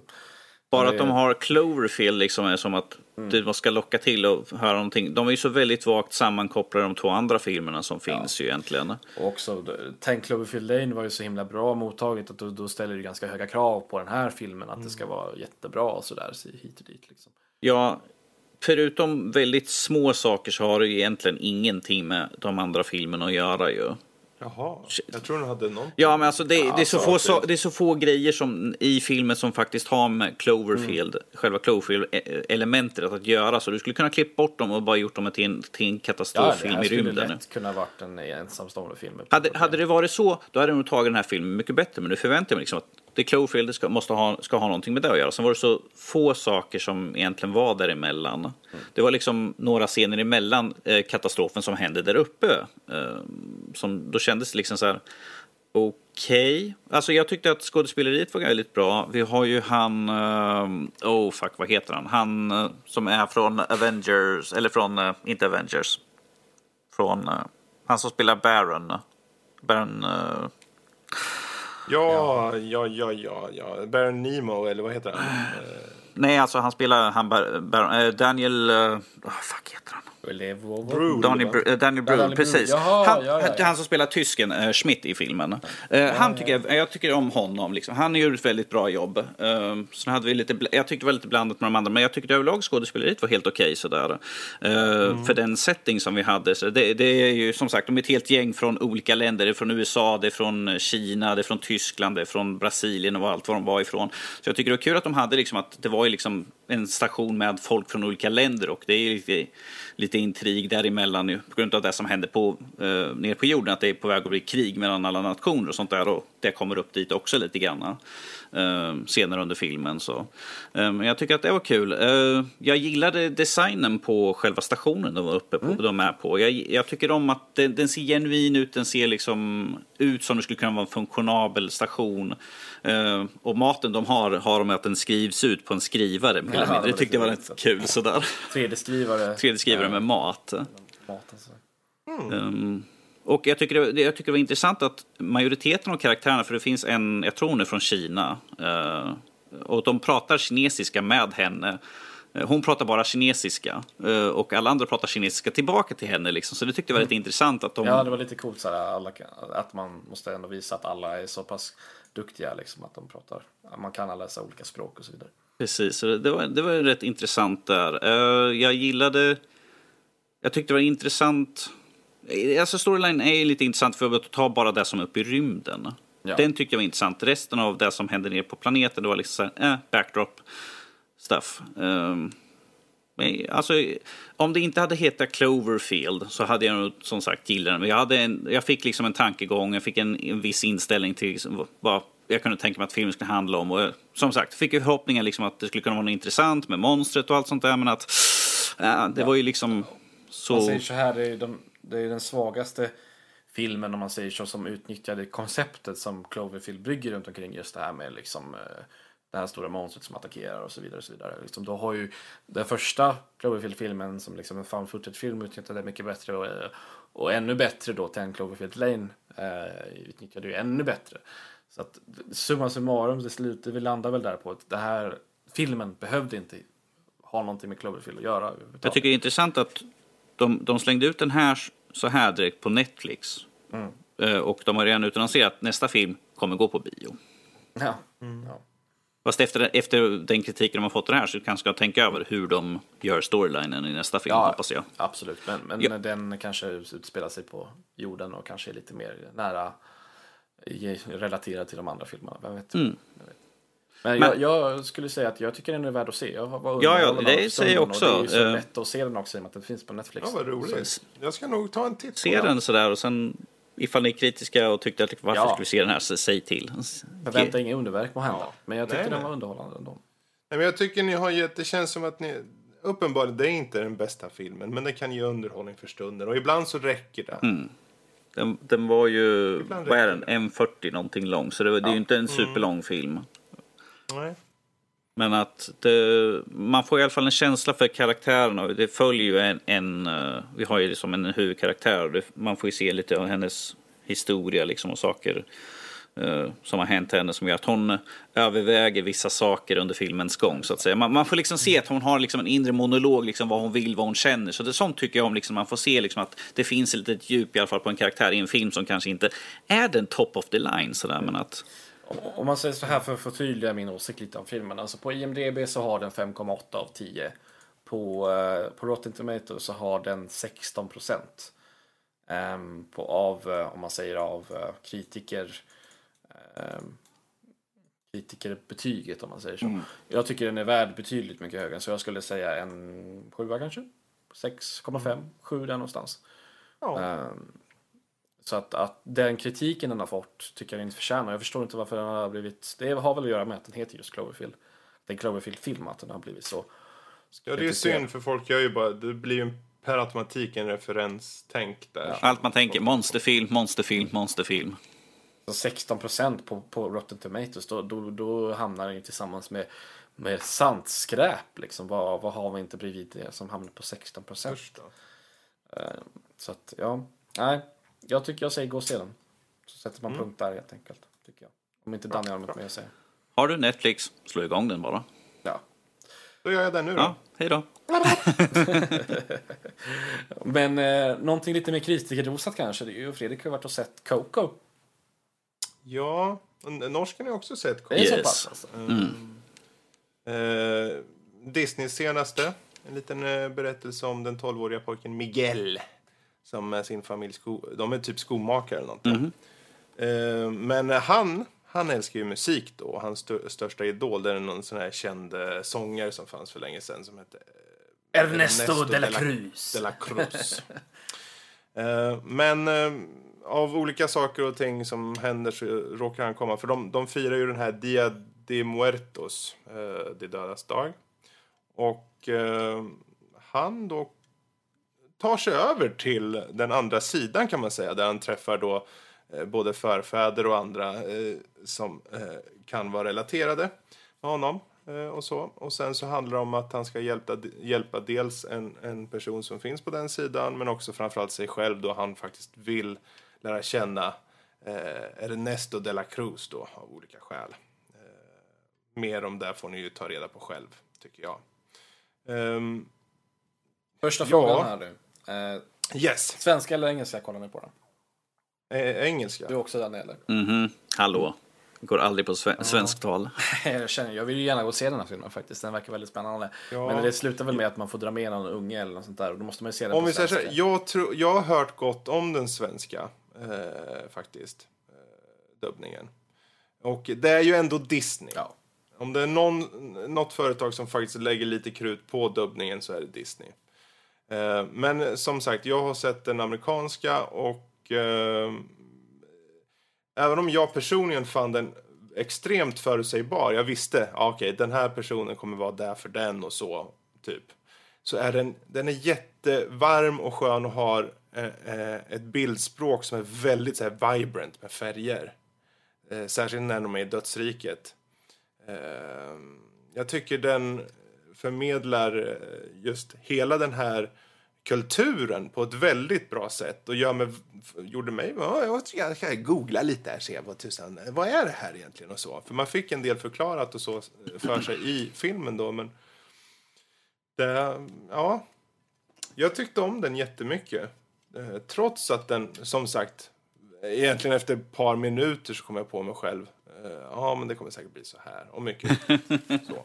Men det, för, det förtar ju inte från filmen vilket som egentligen. Nej. Även fast, det, även fast en, en del av plotpointen som finns i filmen att man liksom bara, ah, ja, okej, den där kommer känna den där, den här kommer vara den där för den där.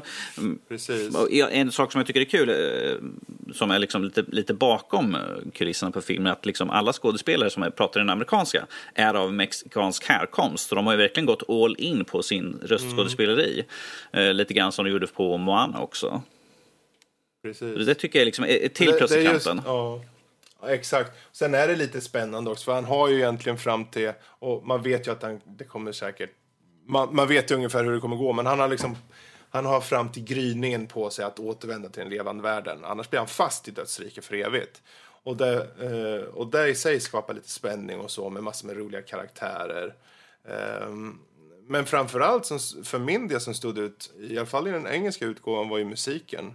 Ehm, ren och skär mexikansk musik. Eh, och alla sjöng fantastiskt, måste jag säga. Och pojken framför allt sjöng eh, den här... Eh, jag vet inte vad han heter, han som spelar den här Antonio pojken, Gonzales. men, ja, han, han, han sjöng eh, någon låt som jag tror är Oscars-nominerad, den låten också. Om inte jag minns helt fel. Och ehm, jag tycker... Eh, visst, det finns andra filmer som har mer... Eh, kanske bättre låtar och så. Men det var väldigt starka låtar ändå. Eh, och sen finns det teman lite, temat på just eh, de äldre i familjen, hur de eh, tas om hand eller hur, vad är minnena värda av de som har gått bort och så vidare. Det är, det är vä- Det väldigt finns- mycket familjen står liksom i centrum. Det är ju det, det, det är Ja. liksom huvudtemat för familj. Precis. Så det, ja, just låten kom jag på nu. Remember Me heter Mm. den. eh, Som de sjunger. Det var, ja, det, jag, tyckte, jag tyckte mycket om den. den är, än en gång så gör de en, en, en film som håller väldigt hög lägstanivå. Mm. Jag tror att de flesta kids som kommer gå och se den här kommer tycka den ännu bättre för den har en unge i huvudrollen. Han har en rolig hund också. Och det är familj det handlar om. Jag tror att barn också kan känna igen sig väldigt mycket. Att det är att hans, hans familj är liksom du ska inte, du får inte och han är jag vill för att jag, det, det, det här är Precis. något jag vill göra. Så det är, det är väldigt mycket, det är en typisk här familjefilm att, eh, st- att han vill sticka ut, liksom göra det han vill göra. Jag tror att Fredrik kan relatera med sina unga. Att de säger jag vill göra så här och du bara nej nu lyssnar du på mig för att jag är vuxen här. typ. ja. Men som sagt, Nej, det, det, bra film. Man kan, man kan relatera lite mycket sådär att man vill eh, sticka ut liksom för resten av skaran och göra ens egen, gå ens egna väg. Medan alla andra bara säger nej, nej, nej, nej, nej. Förutsägbar men väldigt varm och fin film Hjärta, som bör starkt ses. hjärta och själ i filmen så att säga. Och, och som sagt väldigt, väldigt färgsprakande. Så där har vi det. Ja. Coco. Coco. Då så. Då eh, avrundar vi övriga namnämnen och avslutar lite med eh, lyssnarfrågor. Och det är väl ditt eh, gebit, eh, Fredrik? Så får det bli idag du. Absolut. Vi börjar på Twitter där eh, Vilma hörde av sig angående den här Jessica Jones säsong 2-trailern som kom ut. Hon skriver, ser fram så jäkla mycket för detta. Eh, vad tror Nördliv om den kommande säsongen? Och Netflix tv-serien överlag i både kvalitet och framtid nu när Disney gör sig redo för streaming. Men om vi börjar med just den kommande säsongen. Är det någon som ser fram emot säsong 2 av Jessica Jones? Japp. Jag har inte sett första så jag får väl bara så här, vika undan och hoppas att ingen slår mig. Så här. Eh, Nej, men det... Jag, man kan se, jag ser fram emot, hon är ju en sån här karaktär som sticker ut. Hon spelar ju inte den här typiska, hon är ju inte den här uh, Dame in distress liksom. Att hon, och hon är inte liksom så här goody goody two shoes eller snuttepluttig utan hon är jävlar anamma. Hon är liksom, hon kör sitt race och, och ifall folk liksom säger att du får inte, eller hon bara det är klart jag gör, det är mitt liv, jag bestämmer själv. Eh, Jag tycker hon är en stark karaktär så jag tycker det ska bli intressant att se hennes fortsättning där ju. Precis, och det ser ut som att de går tillbaka lite. Vad är hennes bakgrundsberättelse? Det har de ju inte tagit upp riktigt. Mm. Nej. Så det, det verkar vara Det intressant. har ju varit väldigt vagt med det i, i, säsong, i första säsongen och sådär. I de andra Ja. ser, säsong, serierna där hon har varit med också. Så. Det är liksom bara, Ja, du, det har ju inte tagits upp alls. nej, nästan. jag vet. Det, har, Det var ju bara... jag tror det nämndes i någon, någon liten mening eller något sånt där. Någonstans lite background. Det är liksom, du är stark? Ja. Japp, okej. Så ja, vi ser fram emot det. Eh, sen har vi då den andra delen av frågan som är Netflix-tv-serien överlag då. Eh, vad vi tror om dem med tanke på eh, ja, framtiden nu när Disney själva gör sig redo för streaming. Ja, jag antar att hon antyder lite på att streaming, eh, Disney kommer ju själva ta eh, och streama och i och med att de äger Marvel så får vi se vad det är för några eh, repercussions på Netflix tv-serierna. Jag tycker Netflix-serierna har gått ner lite i kvalitet faktiskt. Daredevil är fortfarande den starkaste med Jessica Jones efter det och sen har det gått ner och ner med eh, sist och Iron Fist om jag bortser från Defenders då. Eh, för, tycker jag personligen då, men det är ju bara vad jag tycker. Men eh, hur det blir i framtiden, jag vet inte vad som står. Det är ju Jessica Jones på tur. Sen vet inte jag vad som är planerat efter det. Eh, Jag, inte- jag kan inte säga att jag har faktiskt... Jag vet inte om de utannonserar någonting direkt. Så här, det här är de här nästa. Jag känner bara...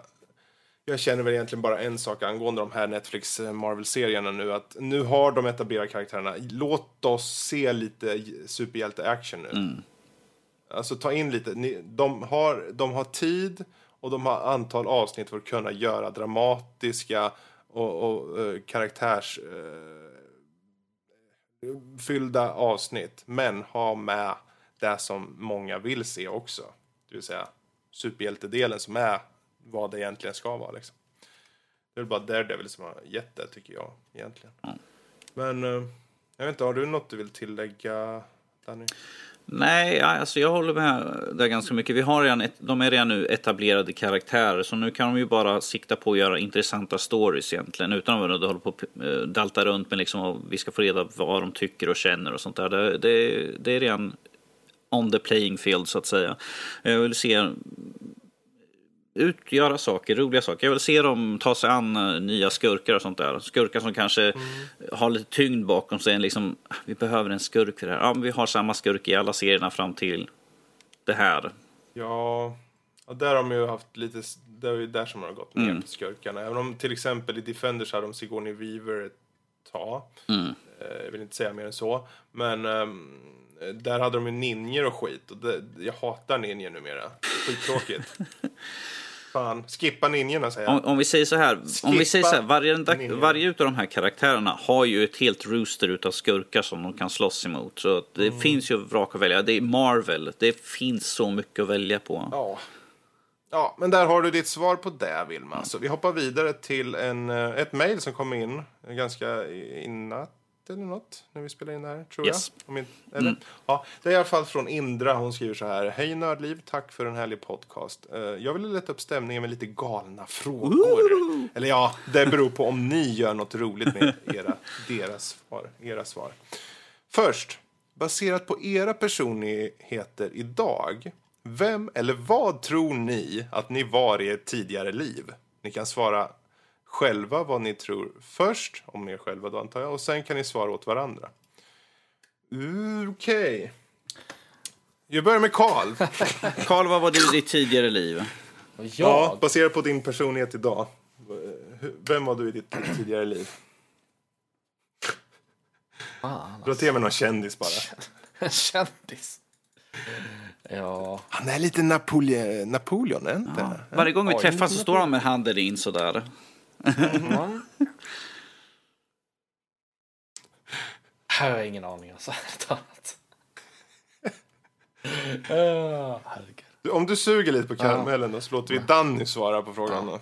Ja, jag kan, inte säga någon, jag, jag kan inte säga någon person som jag men jag tror att... eh, Alltså jag vet att där på podcasten så låter jag väldigt gnällig och gnatig så, men att jag... Ifall folk, folk som känner mig skulle säga att nej, han är wild and crazy. Jag skulle säga att jag var någon gycklare eller något sånt där i något kungarike för länge, länge sedan. Sådär. Absolut. Eh, Näsapa. En näsapa, ja precis. En dansande näsapa i gycklarutskruv. Ja, hon skrev ju vem eller vad, Precis. så det kan ju ha varit en näsapa. En gycklare tror jag, för jag, jag vet att jag är lite gnällig, men det är för att när man tycker om någonting så brukar man bli lite grann så. Um, Men uh, utöver det så är jag lite crazy sådär. Um, Wild and wild and crazy, så jag, jag tror att det skulle vara något sånt, skutta omkring och försöka roa folk som... För jag, jag fick det när jag gick ut, vad var det? Nian så fick jag utmärkelsen å, eh, klass, årets, årets clown. Jag bara, tack. Jag vet inte vad ni har sagt med det här nu eller. och sen gick jag ju såklart till estet, teater så. Kanske. Jag vet inte. Fredrik, vad... Gycklare passar Ja, gycklare. Ja, jag var ju självklart den där väldigt, väldigt glada och muntre och käcke böden på 1600-talet. Den där som liksom gick till eh, avrättningsplatsen och bara la la la la la, idag ska vi... Du bara chop, chop, chop, la la la la. Nej, förhoppningsvis var jag inte det. Jag, jag tror nog jag var en banan. Ja. Om, om Jag var en banan. Fredrik är- skulle då vara en bödel så är det jag den här romerska kejsaren som sitter och så här pekar tummen upp eller ner då i så fall. Precis, där var du. Caesar. Det är jag som är Brutus. Oh, gosh. Nu ska du få. Inte du också. Jag var kniven. Inte du. inte du också. Eller svenska versionen. Ett tu brut. eller Ja, vad det var de sa. Den svenska versionen. Ja, inte du också. Ja, du också Brutus. Fy fan. Ja. Fan. Kan man få en snus eller? Jag tror i ditt förra liv Danny så var du bara en bäver. eh, Ute i oset här i... Satt och gnagde på någonting. Ja. rev ner en, du rev ner en tall som föll på dig så därför dog du och kom tillbaka som en norsk. Ah, okej. Det förklarar så mycket. oh dear. Ja, det, typ. Ja. Kalle, ja han sa, jag tror det svaret med att han var kejsare var nog det bästa svaret tror jag. Jag, jag kör på det också faktiskt. Jag tror han var en... eh, Eller så var han hemul. Jag, jag, jag tror att Kalle var någon sån här uh, Fenrik någonstans eh, för länge sedan liksom, som ville komma upp i militären. För Kalle tycker om militär väldigt mycket. Sådär. Man kan, det är fan sant. så det, det, det är någonting jag, Jag kan tänka mig att han var liksom aspirerande Fenrik som ville komma upp och bli uh, överst eller något sånt där. Men att han sköt sig själv med sin egna gevär när han skulle rensa ur det. Så. Ja. Personifiering av Fänrik Fjun från Knasen. Precis, du Fenrik Fjun. ja, det var ganska passande sådär. Fänrik Fjun, det var länge sedan. Fänrik Ja, Fjun. nostalgi. Ja, Ja, men då... Mm, det låter vi bli sista där Ja. på den. Och sen andra frågan är eh, så här från henne hon skriver många filmserier eller tv-serier har en så kallad watchlist. Det vill säga vilka nyckelfilmer eller tv-serier då antar jag man bör se. Men hur är det med Nördliv Podcast? Vilka avsnitt bör lyssnare definitivt lyssna på för att förstå vad Nördliv är och representerar? Ge gärna en topp tre eller så om ni kan. Vänliga hälsningar Indra. Um, för att få ut essensen av vad nördliv och i topp, när vi är i topp och verkligen är igång så kan vi... Men du, app, app, app. Säg inte i topp nu för då... Och så lyssnar de. Är det här när ni är i topp? När vi är som mest wild and crazy då. Men Wild and Crazy är ju våra Gotia-avsnitt. För där, där det är alla mot alla. Alla är passionerade för liksom spel som de vill se. Speciellt Max, den jävla lurifaxen som dealar runt och försöker med alla knep han kan för att få med hans spel som ingen annan bryr sig om. Sorry Max. Um, det, det, kan, det är ju en rekommendation att lyssna på vårat go, våra Gotia-avsnitt i så fall. Har ni, har ni några andra rekommendationer på avsnitt? Man kan göra det enkelt för sig och lyssna på alla avsnitt där jag är med, givetvis. Så har vi löst det. Kejsaren. Hörru du Fjun, nu lägger du löst nu är det problemet. tyst. Ja, men det är ju bra. Det är absolut.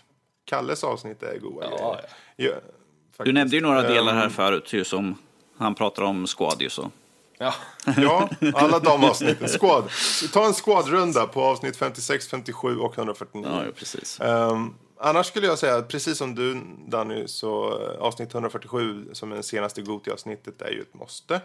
Men jag tycker också det är lite extra kul när vi har gäster. Så avsnitt nummer 143 när vi hade Pixelpie och 141 när vi hade um, Ida Lander. Ida.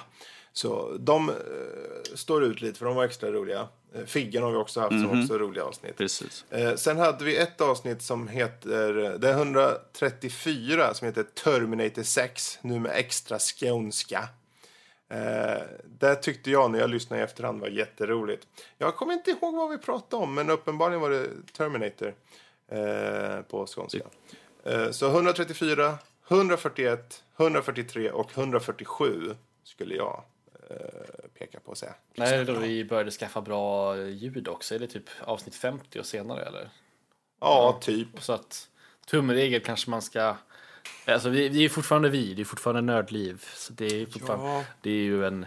en Väger kanske upp, men ljudet kanske inte är det bästa i alla. Ja, och det är lite svårt också för det, vi- eh, som jag vet, jag skaffade min mick tidigare och sen kom vissa efter och efter. Så det kanske till och med en innan 50 som vissa har bättre men att det fortfarande är några som inte har lika bra. Men runt 50 efter det så har alla typ relativt bra. Ja. Typ så här, men där får du ditt svar på det. Eh, och vi hoppar över till den sista eh, mejlet eh, som är från Nilla. Hon skriver Hej alla svåra nördlivare. Tyckte om er diskussion kring linjära spel. Det är ju mycket riktigt något som faller in på alla spel.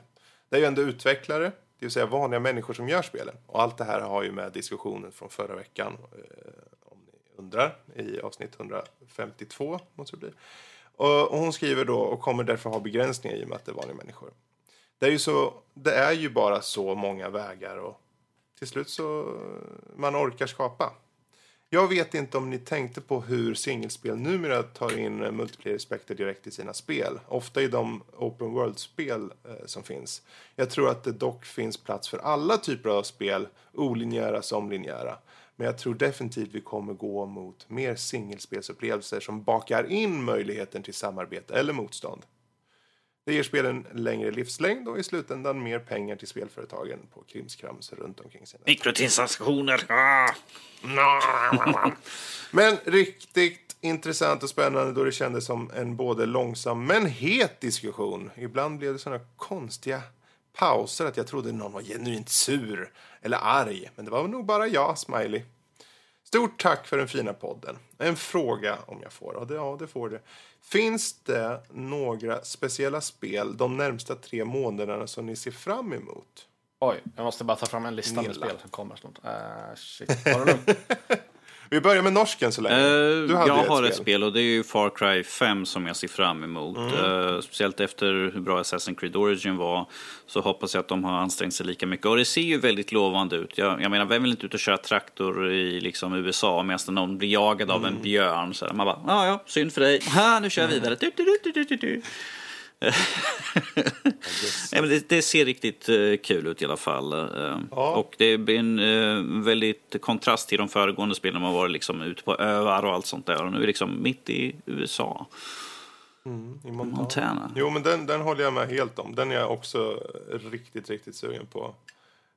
Men också för min del då, jag vet inte om du hade några fler? Nej, förlåt. kör du. Så.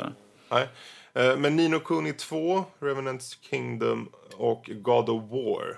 De ser jag fram emot eh, extra mycket. eh, De som kommer de nästa tre månaderna. Då. Ehm, Jag vet inte, har du hittat något du kommit på? Är har du kommit en, på något än, liten eh, fin eh, Dark Souls eh, 1 eh, remaster här va snart. Mm, just det. Där. där har vi anledning Den att hoppa in igen och dö och dö och dö. Mm. Se vad de gör rätt. Gör de gör rätt? Eller vad de nu gör. de den kommer ju till switchen Ja. Det är lite kul. Jag tror de inte kommer ändra så mycket utan det handlar om, mest om att ha ett spel som funkar ordentligt på dator. Så kan det vara. Ja, just det. Men, Eh, jag kom på, vi har ju Agony. Är jag intresserad av att se. Det är lite udda bisarrt. Eh, Det utspelar sig typ i skärselden. Eh, Men all- allt runt omkring i hela världen är är liksom utav kroppar och sånt där. Eh, Så ja. Det, det ser väldigt, väldigt, väldigt kul ut. Kul. Sweet. Ja, ja det, det, det är bisarrt, det är udda liksom. Det, jag tycker Ja. det är så intressant. Jag, jag gillar designen på det så att säga. Det, det, det är inte som något annat spel utan jag tycker om när de leker lite grann och... eh, ja, eh, saker. Lite som jag tyckte, om Dan, jag tyckte om Dantes Hellblade. Inferno. Så, och det var ju liksom skärselden där också. Liksom, man går igenom och går alla de här våningarna. Det, skulle ju Doom kunna vara skärselden också. ja, Lite kanske en metafor för det. Ja, vem vet. Vem vet.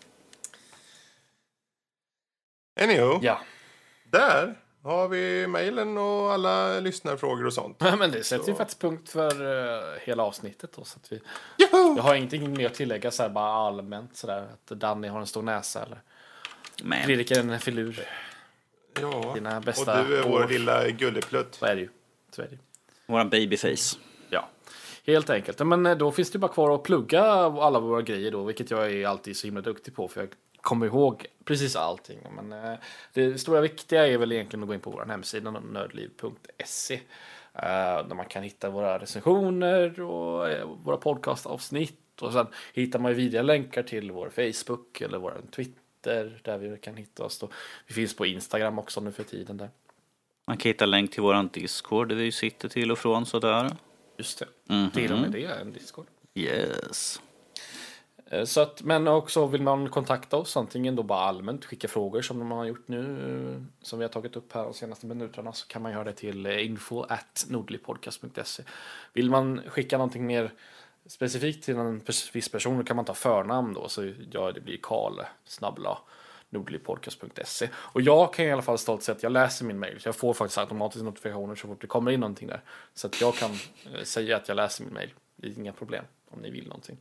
Om ni vill ha en, en eh, 10 000 ords essä om hur Squad är ett mycket bättre spel nu när de senaste uppdateringarna kommer. Snälla fråga. Någon sk- skriver in och be han uttrycka sig så. I då känner 10 jag- 000 ord eller mindre, beskriv dina känslor för Squad. Snälla, Kalle. Ja, för jävligt när man inte har en bra squad-leader alltså. Och jag får alltid spela medic. Vad, vad är grejen med det? Jag får alltid spela medic. Jag kommer in i en squad. Det är alltid Du, du har såna helande tänder. Alltid en... all- Alltid säger det Alltså tänderna i munnen på det. De liksom, ju fort man ser tänderna bara man, ah. Oh gosh, nu börjar Fredrik också. Nej. Nej, sluta. Fy. Nej. Vem kan överrösta den andra? Vem kan spräcka en, eh, de glasen? Vem kan överbrösta? Vem kan överbrösta den andra? Åh! Nej, nu går jag över. Ja, Nu lägger du gosh. ner Fredrik. Det är, för, det är för sent för dig Fredrik, du måste gå och lägga dig snart. Mm, jag känner det. Ska vi spela lite PubG Fredrik? Det var länge sedan. Do it! Ja, vi Let's do säger it! så. Jag får tacka så hemskt mycket för alla har eh, lyssnat. Så eh, på återseende så syns vi nästa gång. Hej då! Toodeloo! Jag en banan! Oh gosh.